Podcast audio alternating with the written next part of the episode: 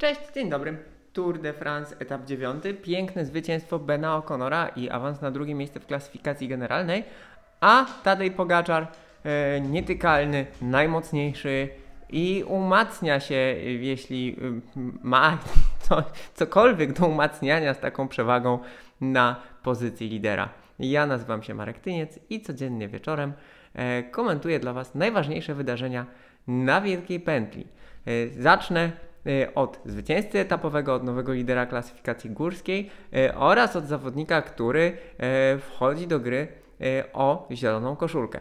Przede wszystkim Ben O'Connor, Australijczyk z grupy AG2R Citroën, kawał górala, świetny zawodnik, drugie w ciągu kilku miesięcy zwycięstwo na ciężkim górskim etapie Wielkiego Turu po Madonna di Campiglio na Giro d'Italia, tym jesiennym Giro d'Italia w zeszłym roku, teraz e, tień, deszczowy etap, piękna ucieczka dnia i znakomita jazda, bo to nie jest tylko takie e, wiecie, wymęczone zwycięstwo e, po mozolnej jeździe, e, ale naprawdę pokonał świetnych towarzyszy ucieczki, e, Polsa, e, Quintanę, Igitę, e, mm, ale też e, bardzo długo bronił się, bronił przewagi przed e, grupą liderów, przed peletonem. Także to jego tempo finałowego podjazdu, zresztą podobnie jak na Madonna di Campiglio, znakomite. No i awans na drugie miejsce w klasyfikacji generalnej e, teraz zupełnie zmienia dla niego optykę tego wyścigu. E, O'Connor tak naprawdę e, może nie jest gorszy, albo jest niewiele gorszy od zawodników z pierwszej piątki klasyfikacji generalnej. Zobaczymy, jak to będzie wyglądało, bo mm, no, wspina się świetnie i ma kilka minut przewagi. Jest drugi tylko za Pogaczarem, a nad resztą 3 minuty. E, Zatem wygląda to bardzo obiecująco. E, Nowy lider klasyfikacji górskiej, Nairo Quintana. Nairo Quintana, który nie wytrzymał tempa O'Connora na finałowym podjeździe do. E, Wcześniej ścigał się o punkty z Wołtem Polsem. E, No i zbierał troszkę tych punktów. Fajna historia. Ja Quintanie życzę, życzę dobrze. E, Pewnie po- powoli, powoli będzie zmierzał w stronę końca kariery. Nie mówię, że już, nie mówię, że za rok.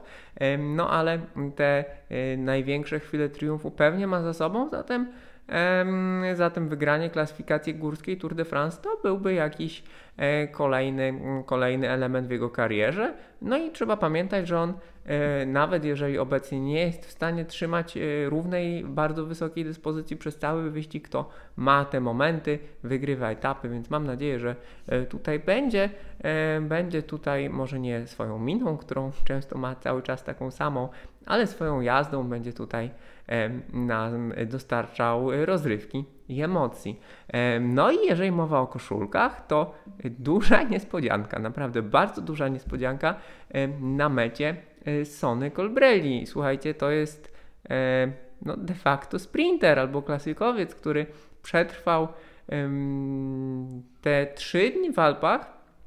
No i dzisiaj e, właśnie w tej ucieczce dnia świetnie się spisał, no i dojechał na trzecim miejscu, zarobił całkiem sporo punktów. Teraz w klasyfikacji punktowej jest na trzecim miejscu, no i, e, no i wchodzi do gry, choć Cavendish cały czas ma e, sporą przewagę. Jeżeli chodzi o Cavendisha, Istotna sprawa zarówno wczoraj, jak i dzisiaj na tych stosunkowo krótkich, około 150-kilometrowych etapach, rozgrywanych w bardzo wysokim tempie, e, limit czasu był dość restrykcyjny.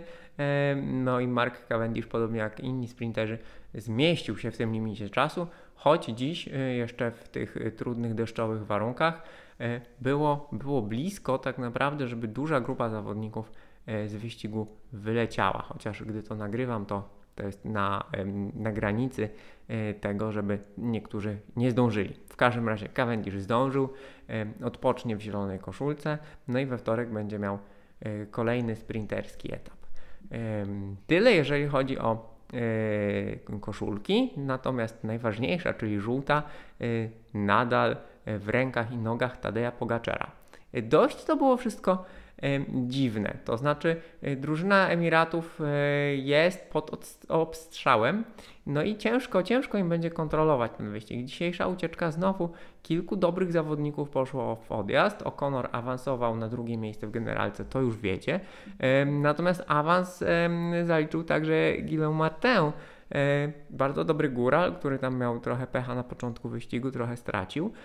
No i dziś dziś na mecie e, czwarty, niedaleko przed, niedaleko przed Pogaczarem, ale e, awansował e, na dziewiąte miejsce w generalce. I teraz wygląda to tak, że tych zawodników z dość dużymi stratami, których pozornie można byłoby zignorować, jest całkiem sporo. Tak wielką przewagę ma Pogaczar, bo w dwie minuty nad Konorem, ale nad trzecim Uranem już 5.18. Godi 10 już traci 7, ponad 7 minut. E, no i teraz drużyna Emiratów nie może ścigać każdego, nie może ścigać każdej ucieczki, zwłaszcza, że no dziś kolejne problemy, problemy miał Brandon McNulty wypadający na, do rowu na, na jednym ze zjazdów. Zatem może gdzieś po drodze pójść jakaś ucieczka z, z kolejnymi groźnymi rywalami. Zatem tak, Pogaczar jest najmocniejszy, bo dziś e, skontrował, e, skontrował atak Karapaza i powiększył przewagę. On indywidualnie jest najmocniejszy, ale czy e, jest w stanie on i jego pomocnicy kontrolować potencjalne ataki 10-15 innych zawodników z 8 drużyn na przykład? Przypomnijcie sobie Vueltę hiszpańską z 2016 roku, etap do Formigal który rozstrzygnął o, o losach wyścigu. E, zatem, kto wie, czy dzisiaj to nie była taka pierwsza próba e, przed tym, co może wydarzyć się w Pirenejach. Oczywiście to jest myślenie życzeniowe, bo zarówno ja, jak i pewnie Wy chcecie, żeby ten wyścig był jak najciekawszy, jak najbardziej emocjonujący. No ale tak to wygląda. Ekipa Emiratów, kiedy na podjeździe do Tin dyktowała tempo i kontrolowała peleton, jechała tak, jakby chciała E, oddać koszulkę lidera O'Connorowi. Dopiero praca drużyny Ineos zmniejszyła tę stratę na tyle, e, że Pogaczar wrócił na, na pozycję lidera. A trzeba pamiętać, że po pierwsze żółta koszulka to jest konieczność właśnie nadawania tempa i pilnowania sytuacji w peletonie, ale także dodatkowe, e, dodatkowe obowiązki, dodatkowe kontrole antydopingowe, obecność na konferencjach prasowych. zatem to wszystko pochłania czas i energię. E, więc e, Pogaczarowi i jego kolegom w najbliższych dniach wcale nie będzie łatwo, mimo że e, pierwszą część wyścigu no, kończy jako zdecydowany faworyt. Jutro dzień przerwy, tak jak powiedziałem, wtorek etap sprinterski i środa dwukrotny wjazd na Mont Ventoux. Zobaczymy, co tam się będzie działo. Dziękuję Wam uprzejmie za dzisiejszy dzień i za cały pierwszy tydzień turu. Do zobaczenia niebawem. Cześć.